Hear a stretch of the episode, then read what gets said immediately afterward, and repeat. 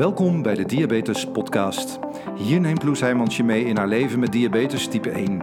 Loes kreeg zelf de diagnose op haar twintigste. Nu is ze auteur en spreker over leven met diabetes type 1. Naast haar eigen verhaal beantwoordt Loes ook vragen van luisteraars, gaat ze in gesprek met experts en deelt ze de nieuwste ontwikkelingen op diabetesgebied. Hier is jouw inspiratieshot voor deze week. Dit is de Diabetes Podcast. Ja, welkom bij aflevering 6 alweer van de Diabetes Podcast. Leuk dat je weer luistert. En ook vandaag gaan we er weer een mooie aflevering van maken. Ik weet niet of je toevallig aflevering 5 ook hebt geluisterd. Die ging natuurlijk over zwanger uh, zijn met diabetes. En um, ja, was een hele bijzondere aflevering. waarin uh, Marije ook haar verhaal vertelde over haar zwangerschap. Uh, onder andere met een drieling. Zij kreeg een drieling en ze vertelde hoe dat ging. En ja, of ze überhaupt nog wel tijd had om daarnaast voor de, um, voor de diabetes te zorgen. Mocht je die nog niet hebben geluisterd, dan kun je hem ook na deze aflevering natuurlijk nog even checken. Maar vandaag gaan we ja, eigenlijk een beetje op het vervolg. Want ja, je kunt wel zwanger worden met diabetes. Dan komt dat moederschap daarachter aan. En man, dat is me toch ook weer een.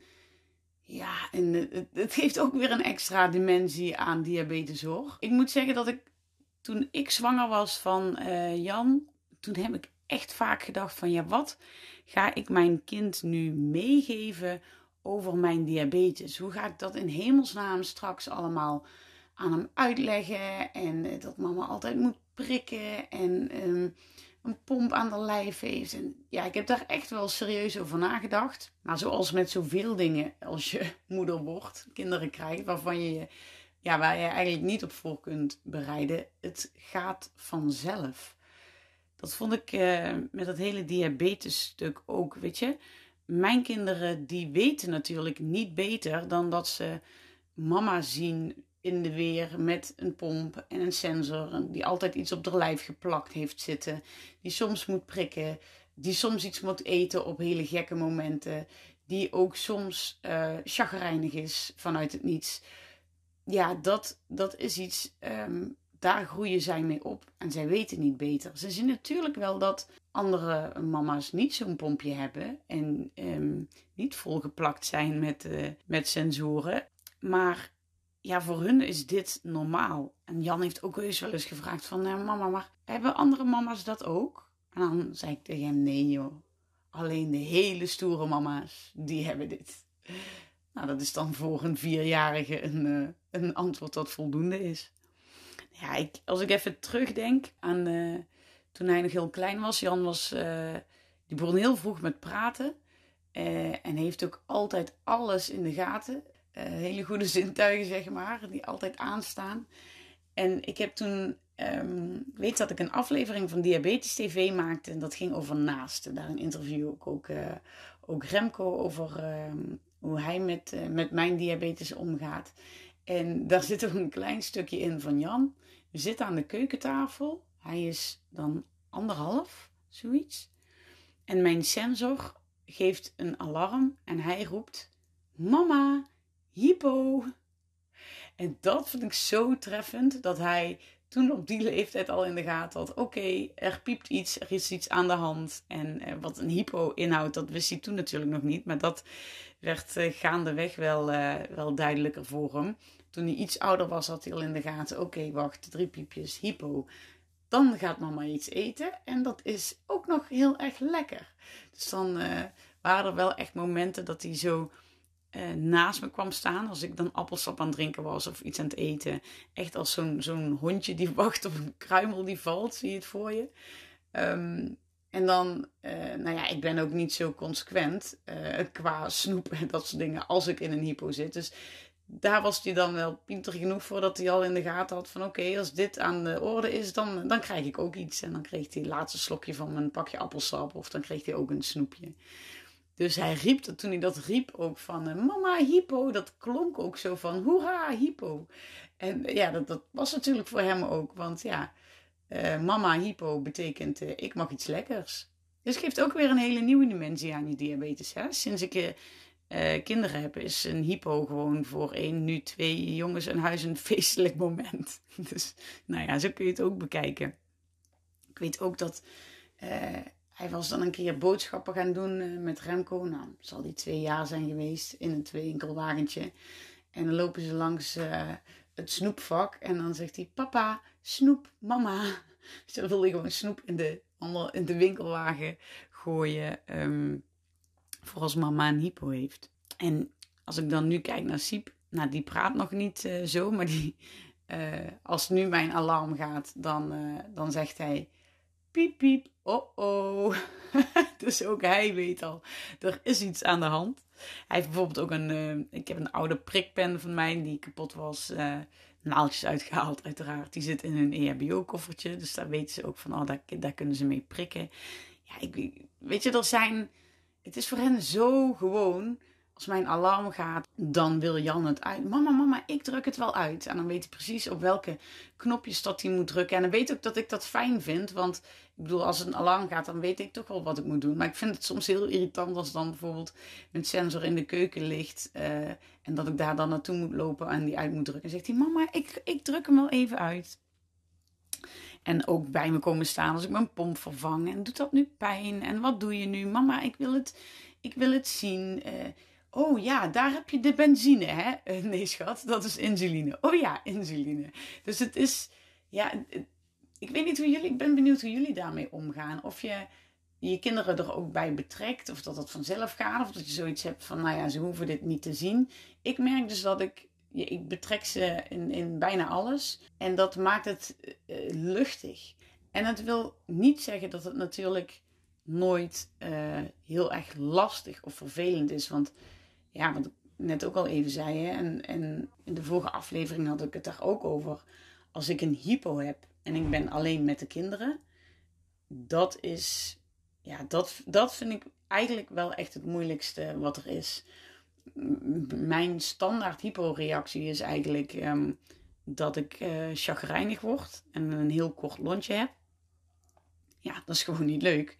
Als er dan kinderen in de buurt zijn die even aandacht willen, ja, dan, dan kan ik ook tegen hun echt wel eens um, ja, een beetje eh, uitvliegen of wat snauweriger overkomen dan normaal. Dan heb ik dus gewoon geen geduld. En en als ik dan wat kort af heb gereageerd, dan heb ik daarna meteen ook spijt. En ik heb ook tegen Jan uh, echt wel eens daarna mijn excuses aangeboden. Van ja, sorry schatje, maar mama had een hypo. Ik bedoelde niet hoe ik net deed. En zegt hij, geef niks mama, is oké. Dan nou, word ik eigenlijk alleen nog maar uh, emotioneler op dat moment. Maar ja, dat, dat vind ik wel heel lastig. Buiten het feit dat het natuurlijk gewoon gevaarlijk kan zijn. Hè? Dat, dat je uh, een hypo krijgt. Ik heb ook wel eens dat ik uh, op ging halen van de opvang. En dat is vijf kilometer fietsen. En dat ik echt op mijn laatste paar dextro's thuis ben gekomen. En dat ik denk, ja, ik kan redelijk goed functioneren nog met een hypo. Maar dit is gewoon niet handig. Um, dus dat is. Um, ik, ik heb het geluk dat ik nooit oud ben gegaan met een hypo of zo. Dus ik, ik heb ook niet die angst dat dat, dat zal gebeuren. En, en met de sensor um, is die angst eigenlijk helemaal verdwenen. Want ja, goed, die waarschuwt natuurlijk gewoon op tijd. Maar ja, hypo's en kinderen is, is gewoon geen, geen toffe combinatie. Ja, en verder ik heb die pomp en die sensor, alles wat erbij hoort. Nou, dat is natuurlijk ook interessant materiaal om mee te spelen. Dus dat wordt um, ook wel eens gebruikt als uh, neptelefoon. Of uh, als we samen met z'n allen op zondagochtend in het grote bed liggen als uh, onder de deken. Nou, dat zijn dingen waar, daar moet ik dan vooral, vooral heel erg om lachen. En wat ik ook wel lastige momenten vind, is um, naast die hypo's is ook dat soms het spontane echt heel lastig is. Ik ben natuurlijk nu sinds kort aan lopen, de podcast daarover volgt. Uh, en dat maakt het alweer makkelijker. Maar bijvoorbeeld echt spontaan uh, mijn kind uh, met de fiets op gaan halen bij de opvang. Of een, een, een wandeling maken naar de speeltuin en daar heel actief met hen gaan spelen. Dat mondde voor mij eigenlijk stevast uit in een hypo. Of dingen um, met kinderen kun je soms gewoon dingen wat, wat moeilijker plannen. En met mijn diabetes moest ik altijd juist heel erg plannen. Dus die combinatie, die, um, die heb ik ook wel eens lastig gevonden. En ik merk nu met de loop dat voor, ja, net zoals voor een spontane wandeling of een spontaan fietstochtje, dat gaat gewoon veel makkelijker. En dat geeft me alweer zoveel vrijheid terug. Dan maak ik me dus ook niet meer zorgen of ik in een hypo terecht kan komen. Want ik weet dat uh, mijn Loop-app het opvangt. En ja, dat, dat is weer. Dus ook daar, daar moet ik nu weer even aan wennen. Dat is, dat is super fijn om die vrijheid ook weer terug te krijgen. En een hele verbetering in mijn uh, moederschap uh, met diabetes. Dus ja, dit is hoe, hoe ik erin sta, hoe ik ermee omga. Ik ben heel benieuwd hoe dat voor jou is. Heeft diabetes een grote invloed op jouw ehm, moederschap en, en ja, hoe handel je dat? Als je me wil laten weten, uh, vind ik dat super leuk. Stuur me gewoon even een, uh, een DM eh, op Instagram, diabetes of een mailtje info loesheimans.nl. En ja, het is een mooi onderwerp om samen over verder te praten, denk ik. En voordat we verder gaan naar het interview van deze aflevering, wil ik even een kleine disclaimer toevoegen. Ik heb namelijk een prachtig interview gehad met uh, Kelly Caresse, maar dat ging niet zonder horten of stoten. We konden natuurlijk, uh, we leven nog steeds in coronatijd, dus we konden niet samen opnemen. We moesten dat op afstand doen. De verbinding uh, die liet ons in de steek. We moesten in twee keer opnemen. Er kwam een hypo tussendoor. Nou ja, goed. De aanhouder wint, dus de opnames staan erop. Maar bij de edit kwam ik erachter dat er soms een vertraging uh, ergens in zat, een dubbeling, een fout in de opname-app, waardoor je ons soms door elkaar hoort praten. Dit zijn maar fragmenten van twee seconden, maar het lijkt wellicht wat langer. Um, ik heb het interview toch zo laten staan, omdat ik weet dat er superveel waarde voor je in zit. Het is een prachtig gesprek geworden. En um, ja, dat wil ik je niet onthouden. Maar uh, luister hier even doorheen en uh, geniet vooral van wat Kelly te vertellen heeft. Hey Loes, zat er nog iets leuks bij de post deze week? Nou, er zat deze keer zeker weer wat leuks bij de post. Want ik had het natuurlijk in aflevering 5 al over zwanger worden met diabetes. En daar kreeg ik best wel veel uh, reacties op. Mensen die het fijn vonden om te luisteren, die zich erin herkenden. En ook die vroegen, ja, en vertel dan ook nog eens iets over dat moederschap. Nou, dat heb ik hiervoor natuurlijk al kort verteld. Maar ik dacht, ja, moeder met diabetes en drie kinderen. Ik dacht mhm. natuurlijk aan de enige echte Kelly Caresse. Uh, je zou haar kunnen kennen van um, haar blog, haar vlog, haar podcast, uh, noem het maar op. Hallo Kelly. Ja, super dat je, dat je er bent. En um, ja, voor de paar mensen die jou misschien nog niet kennen. Ja, Kun je mij dus, even uh, vertellen Kelly, wat jij doet? Bekend als Kelly Caresse. Ik ben uh, 29 jaar, uh, getrouwd en ik heb drie dochtertjes. En ik blog, vlog en podcast eigenlijk over mijn dagelijkse chaos als mama van drie meisjes. Dus ik laat eigenlijk het leven zien, ehm, het chaotische leven als uh, jonge moeder met kleine kindjes van zes, 4 en 2. En um, daarnaast um, heb ik diabetes type 1 al 10 jaar. En dat, dat laat ik wel een beetje zien. Niet too much. Um, maar het is wel een groot onderdeel van mijn leven. Zoals vele diabetes zullen herkennen. Dus natuurlijk komt het wel voorbij. Want het zorgt natuurlijk voor de nodige ups en downs af en toe. dus daar ben ik altijd wel heel open over. Dus dat is wie ik ben. Mooi. Ja, ik zie ook inderdaad, uh, je, je laat het uh, ook op Instagram en zo ook echt wel zien als het, uh, als het even niet zo mee zit met je diabetes. Dus ik denk dat dat ook heel mooi is om ja, aan jouw grote schare volgers te laten zien hè, wat het, ja. leven met diabetes ja, nou echt inhoudt. Ja, heel belangrijk. Um, want ik weet ook wel dat er rondom diabetes mensen die er weinig van afweten en, en dat is helemaal oké. Niet iedereen hoeft er alles over te weten. Maar ja, is het van de buitenkant toch gewoon een ziekte van nou ja, even een prikje en even een spuitje. En dan gaat het wel weer. En um, nou ja, een hypo is dan heftig. Maar dat is vaak wat mensen erover weten. Hè, als ze het al niet verwarren met type 2. Wat ook nog iets te vaak voorkomt. Omdat natuurlijk de media altijd heel erg gericht is op type 2.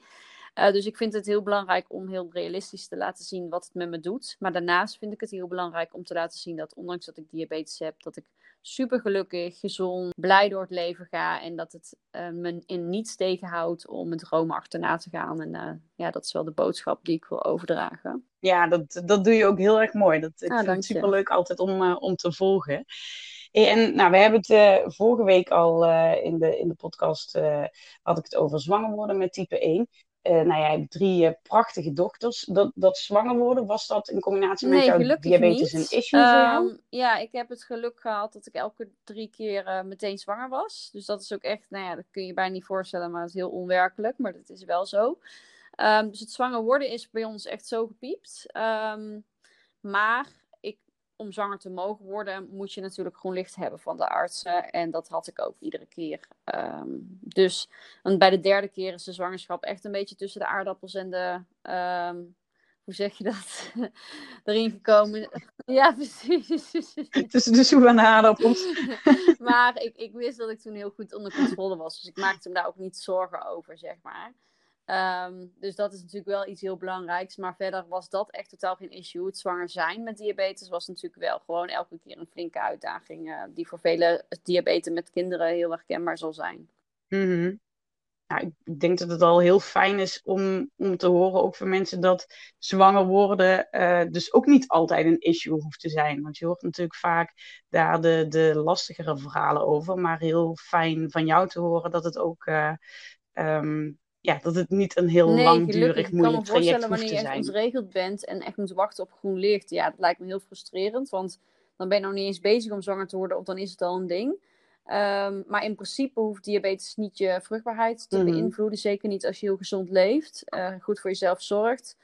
Um, dus als je gewoon groen licht hebt en dat heb je, tenminste, dat, dat nou ja, ik, ik, geloof wel dat gezonde voeding, gezond leven daar heel erg invloed op heeft natuurlijk goede zelfzorg, um, ja, dan heeft, diabetes in principe helemaal geen uh, invloed op zwangerschap of zwanger worden. Maar het zwanger zijn en zeker die eerste weken zijn natuurlijk wel heftig. Want je lijf um, moet ineens, ja, er is ineens een zorg voor een kindje bij. Dus zeker die eerste weken herken ik nog heel erg de lage hypo's midden in de nacht. Omdat je lijf eigenlijk gewoon op is. En dat is wel heel eng. Omdat je dan toch wel heel erg die verantwoordelijkheid voelt van oké, nu wordt het kindje gevormd. En nu is het extra belangrijk dat het goed gaat. Dus als, het dan, als je dan ja. slechte waardes hebt, ja, dan voel je je heel schuldig. En later in de zwangerschap, um, nou ja, ik voelde me al schuldig als ik een paar happen taart op had en het ontregelde mijn suikers. Um, dat ik het ook heel oneerlijk voelde van, ja, um, een ander die, die, die kan bij wijze van spreken helemaal los. Nou ja, dat is natuurlijk ook nooit goed voor iemand. Maar en bij ons kan een paar stukjes taart uh, en dan niet puntentaart, maar gewoon een paar hapjes taart al invloed hebben. Dan zat mijn man naast me met de, de pepernoten, want ik was altijd rondom die periode zwanger, de chocoladepepernoten. En dan zat hij dat gewoon vrolijk te eten. En ik, ik kon het gewoon echt niet pakken, want ja, als ik het dan al pakte, dan had het heel veel invloed. En dan voel je je toch heel schuldig naar je kindje in je buik. Dus dat vond ik wel echt een hele pittige uh, periodes. Ja, ja, dat herken ik heel erg hoor. Het is ook gewoon omdat je, je weet dat, dat die waardes uh, invloed kunnen ja. hebben op je kindje. Maar het is natuurlijk ook heel ongrijpbaar ja. wat welke waarde nu precies doet. En uh, ja, dat, het, mij bezorgde dat vooral in mijn eerste zwangerschap ja. heel veel onzekerheid. Had jij dat ook? Dat je in de tweede en derde zwangerschap daar minder last van had? Of ja, nee, dat heeft niks met verantwoordelijkheid te maken. Um, voelde ik me nog rotter. Want ook al je kunt heel gezond eten, maar ook van hele gezonde voeding kun je ontregeld raken natuurlijk. Hè? Ik bedoel, ja, van gewoon, het gaat niet alleen maar mm. over stukjes taart of, of pepernoten, zoals ik dat net beschreef. Um, um, en bij mijn eerste ben je nog weer alles nog spannender. Alleen mijn eerste is met 34 weken al geboren. Dus de, de pittigste periode die ik dus daarna had met de andere zwangerschappen, waarin je nog uh, insuline, insuline ongevoeliger wordt. Um, die vond ik bij latere zwangerschappen daardoor mm-hmm. dus veel zwaarder. Dus bij de tot 34 weken kon ik het nog wel onder controle houden. En bij die andere zwangerschappen begon het daarna eigenlijk een beetje de spui, spuigaten uit te lopen. Dat je, dat je gewoon, wat je ook doet, het, het ontregelt. Ja, en zie je, ook dit is ja. gewoon weer bij iedereen anders. Ik had bijvoorbeeld in mijn laatste trimester echt uh, ja? oh, wow. waardes als zonnetjes, zeg maar. Dat ik echt dacht van, oh, oh ik, wil, ik wil altijd me oh zo voelen God. zoals het laatste trimester. Niet qua omvang en zo, maar wel qua waardes, ja. Nee, want ik weet nog zo, laten we zeggen dat ik nu bijvoorbeeld vier eenheden voor mijn ontbijt spuit, of bolus, deed ik in het eind van mijn zwangerschap wel 20, 25. En ik weet nog zo goed dat zij de internist van als de baby er morgen uit is, dan zul je direct terug kunnen op je oude patroon. En ik dacht echt, no way, dat kan echt niet met 25 eenheden naar 4 weer, weet je wel. Maar ja, de baby was eruit en hoppakee, gelijk hypo en gelijk weer mijn oude waarden. Dus dat is echt, ja, het is ongelooflijk gewoon wat voor impact zo'n zwangerschap heeft. Bizar hè, hoe dat werkt. Hey, en uh, nu in het, uh, in het heden, zeg maar, um, welke rol speelt uh, diabetes nu voor jou als mama van drie? En je zegt al in gezellige chaos en we kunnen natuurlijk online veel van jou volgen, hoe dat eraan toe gaat. Maar welke, welke invloed heeft ehm, diabetes Ja, toch wel een grote impact. Nou weet ik natuurlijk niet hoe het leven als moeder zou zijn zonder diabetes. Dus ja, het is natuurlijk vergelijken, ja voor mij klinkt het alleen maar als een droom om het zonder te hmm. ervaren. Maar um, weet je, voor mij is het zoiets normaals uh, dat ik er heel goed mee kan leven. Maar op de momenten dat het minder gaat, hè, dat je ineens met drie kinderen in de auto zit en dan een hypo hebt, bijvoorbeeld als je echt naar huis moet. Of um, uh, je moet echt naar school en je hebt op dat moment een hoge of lage suiker en je voelt je niet goed. Ja, dan heeft het wel heel veel impact. Dan voel je je heel schuldig. En dan voel je weer dat er iets anders aan je is. Uh, met leven met drie kinderen is heel chaotisch. Um, voor mij tenminste, en zeker als thuiswerkende moeder ook nog. Dus um, er is geen dag hetzelfde. En daardoor, ja, mijn bloedsuikers zijn natuurlijk ook geen dag hetzelfde. Dus ik heb het prima onder controle. Maar ja, bij mij is er nooit een perfecte bloedsuiker. Dus ik zie wel eens mensen, ik heb ook volgers die dan wel eens hun waardes delen. En iemand die voelde zich heel ontregeld en die had er een balkje laten zien van de Freestyle Libre. En die was bij 10 voelde zich al ontregeld. En bij mij is het zo van, wauw, ik zit op 10, perfect, weet je wel. En ik denk ook dat, ja, je raakt er zo aan gewend ook om, om, om ook ja, mindere waardes te hebben. Ja, het hoort er gewoon bij eigenlijk. Ja, wat dat betreft past, past uh, je lijf zich daar echt wel aan aan. Hè? Dat, dat, uh, want ik, ik weet dat ik, uh, ja, echt voordat ik de sensor had, had ik heel vaak ook uitschieters richting de 20 of hoger. En dan mm -hmm. voelde ik dat eigenlijk niet eens, want dat was ook mijn probleem. Dat hij altijd te hoog was, omdat ik mijn hypers gewoon ja. niet voelde. En toen kreeg ik een sensor en dan raak je over het algemeen natuurlijk wel beter mm -hmm. ingesteld. En um, nu ik uh, met die loop uh, bezig ben, uh, zijn die lijntjes nog strakker. Maar nu voel ik me dus al bij een waarde van 14. Voel wow, ik me echt niet goed. Dus dan denk ik, oh, dat is eigenlijk best, dat is eigenlijk ook ja, best irritant. Ja, nee, ja, met 14 gaat het allemaal wel mij. Ja, gek. En als jij dan van, iemand anders op Instagram zo'n zo'n grafiekje voorbij ziet komen met zo'n strak lijntje, waarvan je denkt, ja, dat, dat lukt me echt niet. Doet nee, dat het maakt me niet jou? jaloers of iets in die trant. Ik weet gewoon dat ik mag van mezelf ook accepteren dat ik weet dat ik altijd mijn uiterste best doe. En dat ik niet meer kan dan ik op dit moment kan. En ik, ik leef heel gezond. Ik doe er in principe alles aan om het goed onder controle te houden. En je kunt ook niet in andermans leven kijken. Wie weet uh, heeft die persoon een mega nee. strak uh, dagschema en geen kinderen. Um, ja, je weet het niet. Ja. Dus je kunt, ja, het is gewoon met niemand te vergelijken. En het is ook vooral accepteren. Het is er gewoon altijd. En uh, ik hoef niet boos op mezelf te zijn. Of nog strenger voor mezelf.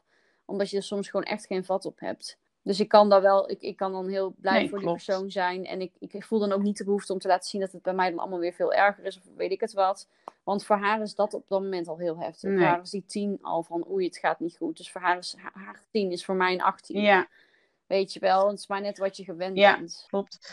Hey, en um, kun jij ook uh, leuke of grappige situaties halen over uh, uh, uit je diabetes in combinatie met het moederschap? Reacties van de kinderen bijvoorbeeld? Of... Mm, even denken. Ja, nu bijvoorbeeld doe ik regelmatig, niet per se grappig of zo, maar aqua bootcamp. Dus dat is in, in mijn badpak. Um, en dan is het natuurlijk heel opvallend dat yeah. je in je arm iets hebt, hè, sensor en een pomp. Dus dan vragen mensen daarna. En dan zeg ik altijd van, nou, dan ik zeg, en mensen denken bijvoorbeeld dat het zo'n, uh, als je gestopt bent met roken, zo'n patch is, weet je wel, zo'n sticker. Oh en, ja. Uh, mensen vragen wat ik dan heb, dan zeg ik, nou, ik ben een soort van robot. Uh, hier doe ik mijn bloedsuiker en dit is mijn pomp en zo regel ik het, weet je wel. Zo maak ik er een beetje een grapje van. Maar ja, echt grappige situaties. Um... Ja, ik ben heel benieuwd hoe mijn kinderen dit ervaren, want ik denk dat het voor mijn meiden gewoon zo is dat alle moeders dit hebben. Dat ze misschien op een gegeven moment, want ze gaan wel eens bij vriendinnetjes spelen, maar nog niet echt heel lang of zo. dat ze ergens eten of echt een dag zijn of zo. Dus nog niet echt dat het op zal vallen. Maar ik ben benieuwd of ze op een gegeven moment beseffen dat andere moeders dit niet hebben. Dus heeft ook niks, is niets Mhm. grappigs of wat dan ook hoor. Maar ik ben benieuwd of ze dat op een gegeven moment dan gaan zeggen of zo. Of, of dat het ze dan opvalt. En mijn kinderen die, eh, die heel erg van zoetigheid En snoep houden. Die eh, hopen altijd dat mama ergens zijn of zo. Misschien, mama, hoe is met de suiker? Want dan hopen ze natuurlijk dat ik wat ga eten. En dan willen ze ook. Ja, ik heb ook een hypo, Oh, ja. zegt die oudste van ons dan. Dat is wel mijn grootste angst hoor, dat mijn kinderen het zouden krijgen. Ja, ik heb dat ook heel lang als angst gehad. Ik moet ook zeggen, toen eh, eh, Jan, onze oudste, toen hij net met hapjes begon, dat ik heel vaak dat ik hem eten zat te geven en dat dan door mijn hoofd flitste, oh wacht, ik moet hem nog prikken. Oh. Weet je, wel, maar dat dat zo in mijn eigen Mhm. systeem zat, dat ik dat, oh, oh nee, wacht, nee, dat is bij hem niet nodig. En ik heb, ik heb ook wel heel lang gedacht van, oh, als, als zij het maar niet krijgen. Ik heb Jan ook één keer Mhm. geprikt. Toen was hij nog heel klein en toen eh, ja, hij, hij kon dus nog toen niet praten, maar hij was heel erg huilerig en dat was hij nooit. En we hadden geen idee wat er aan de hand was. En toen dacht ik, nou, hij is nu toch al zo hard aan het huilen. ja, kan snap ik. Ik heb het ook wel eens gedaan. Ja, dat laat Ja, het ook wel eens gedaan? zo dorstig was. En elke keer naar de wc en om drinken vragen. En gewoon anders. Dat ik Ja. dacht, oké, ja, weet je, ik ga dit even checken. Ja. Als dit goed is, dan hoef ja, kijk, dan, ja, het zou zonde zijn om daarvoor naar een arts te moeten. En dan, ja, als je dat zelf al kan uitsluiten. Ja, ja, precies. Maar gelukkig nee, de gelukkig niet. En de erfelijkheidskans is ook echt mega klein hoor. Dus het is ook echt helemaal geen ding of zo. Maar Is ook ja, zo. toch ben ik blij dat ik het heb en niet zij. Helemaal waar, helemaal waar. En, en op welke momenten eh, vervloek jij je diabetes? Ehm, voor mij is het vervelendste wanneer ik bijvoorbeeld in de auto ben. Ik moet de kids ergens naartoe brengen. En je hebt dan een erge hypo. Of je staat echt ergens langs de weg met een hypo. Dan voelt het ook even alsof die een eeuw duurt. Maar dat komt omdat de tijd dan natuurlijk enorm eh, lang lijkt te duren. Omdat je stilstaat en weg wil. Dus de tijd wordt uitvergroot als het ware. Ja, dan is het echt heel frustrerend. Als het je echt belemmert in dingen doen. Als je echt gewoon op momenten dat je alleen ervoor staat. Als het dan gebeurt. En zeker in combinatie met de kinderen. Dan is het echt heel frustrerend. Kelly, en dan heb ik, ehm, volgens mij was het in een podcast, in jouw eigen podcast, dat ik jou ook wel eens heb horen zeggen dat je dankbaar bent dat je diabetes hebt gekregen. klopt dat? Natuurlijk heel apart en heel erg tegenstrijdig en heel erg ja, onlogisch. Maar ik geloof heel erg ehm, eh, vanuit het spirituele stuk en vanuit. ehm, ja, ik geloof dat heel erg dingen gebeuren om een reden. In, in je hele leven eigenlijk, alles wat er gebeurt. Of het nou leuk is of niet leuk. En dat sommige dingen gebeuren om je een les te leren. ehm, hoe pijnlijk die lessen ook zijn. En in dit geval kreeg ik diabetes. En ik heb er ook heel veel naar gezocht en gelezen. Wat diabetes nou echt voor een soort van betekenis heeft. Hè, spirituele betekenis. Waarom mensen dit krijgen. En bij elke ziekte zijn bepaalde redenen voor. En nou ja, als je daarin gelooft natuurlijk. Hè, maar als je daarover gaat onderzoeken, dan ja, kun je sommige dingen best wel linken aan bepaalde mensen. En eh, bepaalde gebeurtenissen en trauma's en dingen die mensen meemaken. En hoe ze in het leven staan. En nou ja, goed. En eh, bij diabetes gaat het heel erg eh, over grenzen stellen. En je energie bewaken en niet over je grenzen laten gaan. En niet te veel willen. Ja, ik heb op mijn negentiende diabetes gekregen. En eh, het was best wel, eh, heftige, ja, best wel heftige dingen heb ik meegemaakt daarvoor. Bijvoorbeeld ehm, het overlijden van mijn ex ehm, aan zelfmoord. Nou ja, het was natuurlijk de periode van studeren. En eigenlijk altijd, ik had ook een bedrijf erbij. Ik was altijd bezig en druk en weet ik het allemaal. En zo kun je natuurlijk allerlei dingen zijn er nog wel die er speelden. Maar ehm, toen kreeg ik diabetes. En dat is eigenlijk letterlijk een soort van directe pas op de plaats. Van oké, nu ga je goed voor jezelf zorgen. Nou moet je 24-7 voor jezelf gaan zorgen. En als je over je grenzen gaat, zal je daar ook direct voor boeten. Waar andere mensen misschien nog wel even door kunnen. Ja, zo, zo, ja, dat, zo zie ik het ook in mijn, hoe ik het heb, zeg maar. Dus als ik heel goed voor mezelf zorg, gaat het ook heel goed met mijn diabetes. Natuurlijk is dat niet altijd zo, want er zijn natuurlijk altijd situaties, hè, hormonale dingetjes, daar heb je echt geen invloed op. Maar ehm, ik kan het wel heel erg herleiden. En ik heb bijvoorbeeld ook veel blaasontstekingen. Gelukkig nu al heel lang niet meer. Ehm, en dat is dus ook zo'n kwaal die heel erg vanuit spirituele heel erg verklaard wordt over grenzen stellen. En eh, met diabetes ook heel logisch, want dan heb je natuurlijk ook al sneller suikers in je urine, et cetera.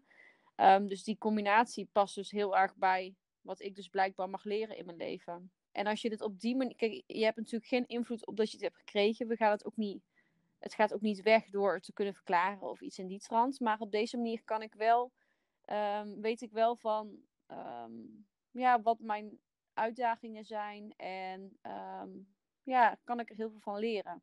En ben ik dus dankbaar dat het dus blijkbaar, dat dit blijkbaar mijn les is. Ik bedoel, het had ook een veel zwaardere les kunnen zijn. Uh, het had ook, ja, je, het kan ook altijd erger, zeg maar. En ik kan er gewoon heel goed mee omgaan. Dus Um, in plaats van dat ik nu ga balen en wat vreselijk. En natuurlijk baal ik af en toe, hè, want nu klinkt het allemaal fantastisch. Maar um, ik heb af en toe momenten dat ik ook helemaal klaar mee ben. Maar door het op deze manier te benaderen, kan ik er wel vrede mee hebben en kan ik er beter mee omgaan. En ja, zie ik ook die les die ik eruit haal in de dingen die ik doe in mijn leven. Dus uh, vanuit, dat, vanuit die visie kan ik me ook dankbaar voelen. Ja, mooi ik denk dat het ook als je er. Ja, ja, ik, vind het, ik vind het echt prachtig. En ik denk ook als je er op die manier naar kunt kijken, dat het, het vechten ertegen ook minder wordt, toch? Ja, precies. Ja. Want natuurlijk heb ik ook heel erg gebaald en uh, gedacht: oh, oh, wat erg. En nou kan ik dit niet meer of dat. Of weet je wel, mensen zeggen, als mensen horen dat je dat hebt, dan de ene reageert van: oh ja, prikje en dit. En de andere die reageert met hoe het heftig zou ik echt niet kunnen.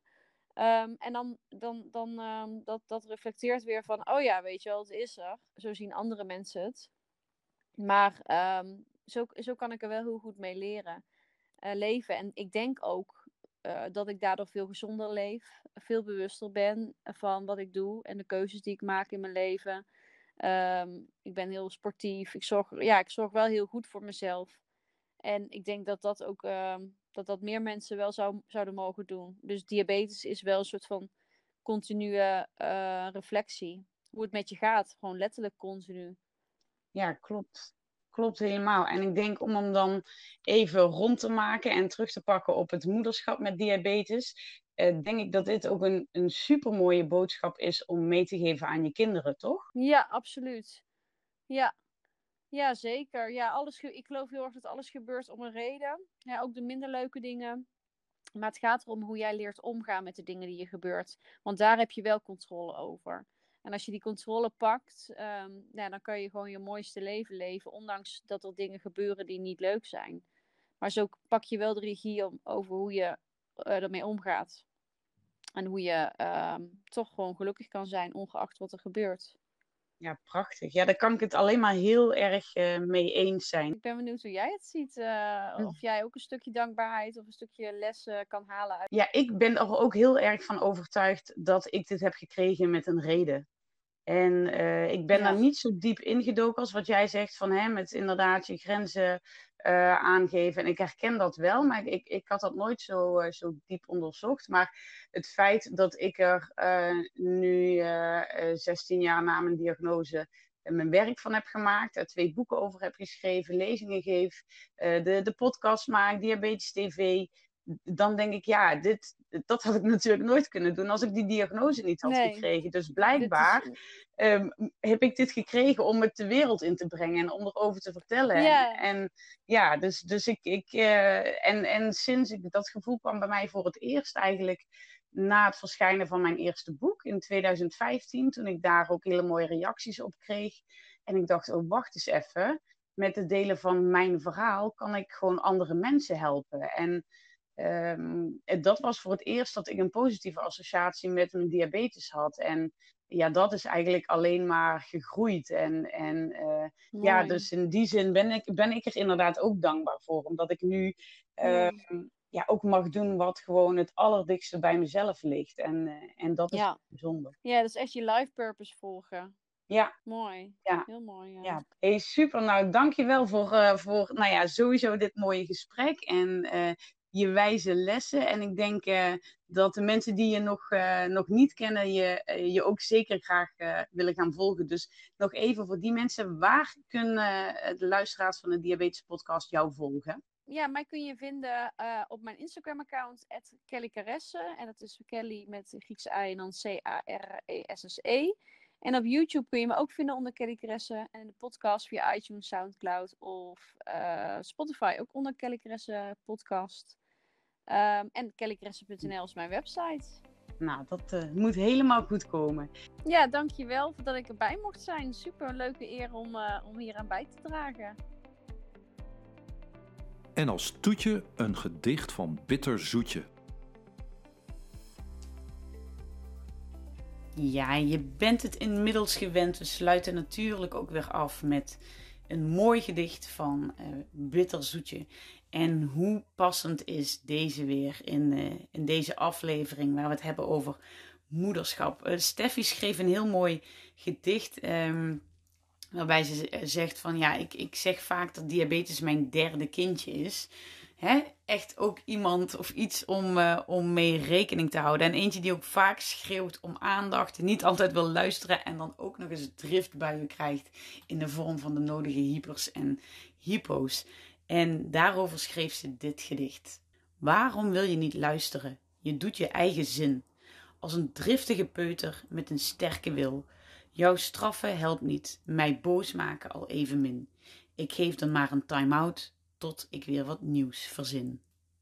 Kon het ook maar, hè? Kon je je diabetes af en toe maar een time-out geven? Het is natuurlijk wel zo dat je er af en toe wat minder aandacht aan kunt geven. Dan voelt het misschien als een time-out, maar ik zou willen dat we af en toe eens op een welverdiende vakantie van die diabetes zouden kunnen. Maar goed, dat is nu eenmaal niet zo. Hiermee komen we in elk geval weer aan het einde van deze podcastaflevering. En ik hoop dat je weer met veel plezier hebt geluisterd. Als dat zo is, laat me dat dan ook weten. Stuur even een screenshot als je aan het luisteren bent. En tag me op Instagram, diabetes. Super leuk om daar uh, je reactie ook te lezen. Wil je meer weten over wat ik doe? Kijk dan eens op www.loesheimans.nl en um, nou ja, verbaas je over uh, wat daar zo allemaal al voorbij komt. Ik ga me alweer opmaken voor de volgende aflevering, want mijn inspiratielijstje um, voor waar ik nog allemaal over kan podcasten, dat stroomt echt over. Uh, heb je suggesties, laat het me dan ook vooral weten. Dan voegen we die gewoon toe aan het lijstje en, uh, en dan kan ik lekker nog meer gaan opnemen voor jullie. Dankjewel voor het luisteren en heel graag tot de volgende keer.